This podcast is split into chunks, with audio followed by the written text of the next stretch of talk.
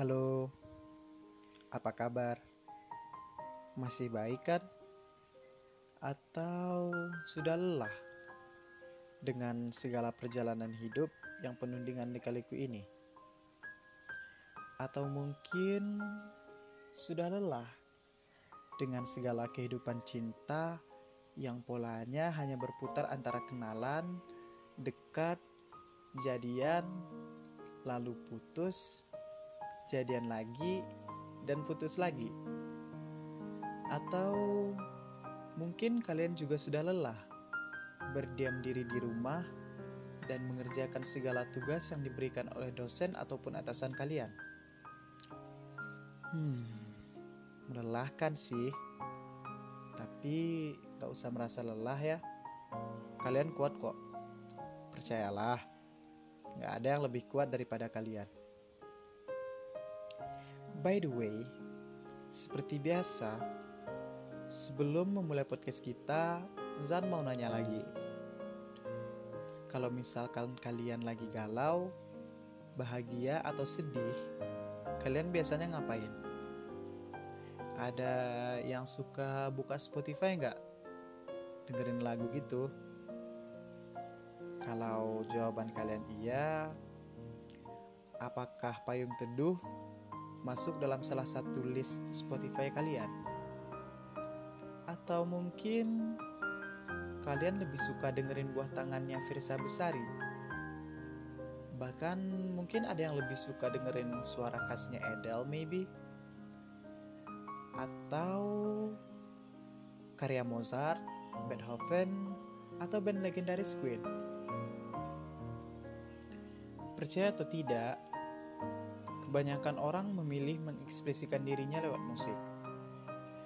Banyak dari mereka yang lebih memilih musik sebagai media untuk curhat, bersenang-senang, bahkan sebagian memilih musik sebagai penyembuh dari patah hati karena putus cinta. Sebagai obat lah istilahnya.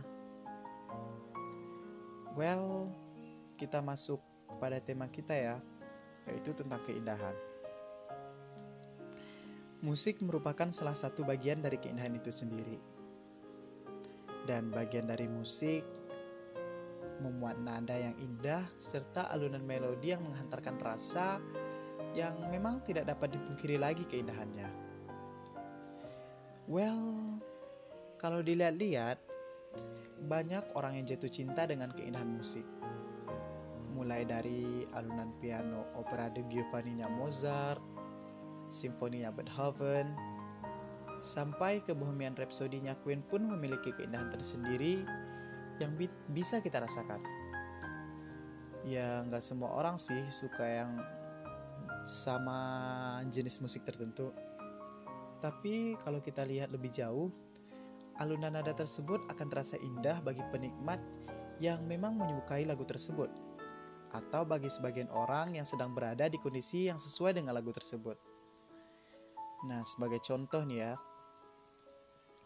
Zan lebih suka dengerin musik klasik dibandingkan rock. Lebih nenengin gitu. Dan kadangkala saat mood lagi bagus dan adrenalin meningkat, lagu rock juga menjadi bagus kok. Nah, selain itu, keindahan musik juga dapat kita temui dari, dari berbagai lagu daerah. Banyak lagu daerah memiliki keindahan tersendiri serta nada yang unik.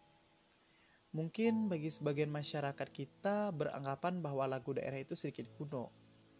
Enggak juga kok. Banyak juga kok yang su lebih suka lagu daerah daripada musik modern. Tapi percaya nggak? Ada sesuatu yang bikin lagu daerah tersebut indah. Yap, sejarah dan latar belakang lagu tersebut membuatnya menjadi lebih indah. Selain itu, lagu daerah juga bisa menjadi obat rindu loh kalau kita pergi jauh dari tanah kelahiran. Kalau nggak percaya, coba deh nanti kalau misalkan kalian keluar daerah, kalian dengerin lagu daerah sepanjang jalan. Baru juga jalan, pasti rasa rindu plus sedih bakal menghampiri kalian.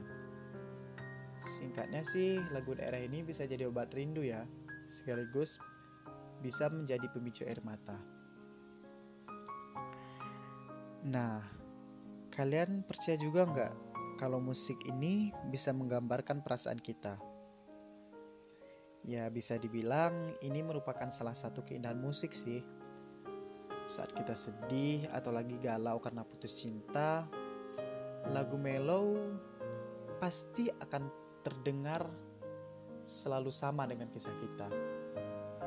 Related itulah istilahnya. Atau seolah-olah lagu tersebut mengerti tentang apa yang kita rasakan. Begitu juga kalau kita lagi senang. Semua lagu dengan beat yang cepat seolah mengerti tentang kebahagiaan kita. Bisa dibilang kita terkoneksi gitulah dengan segala jenis musik yang sesuai dengan perasaan kita.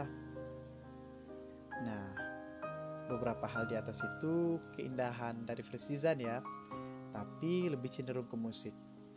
Kalau menurut kalian gimana?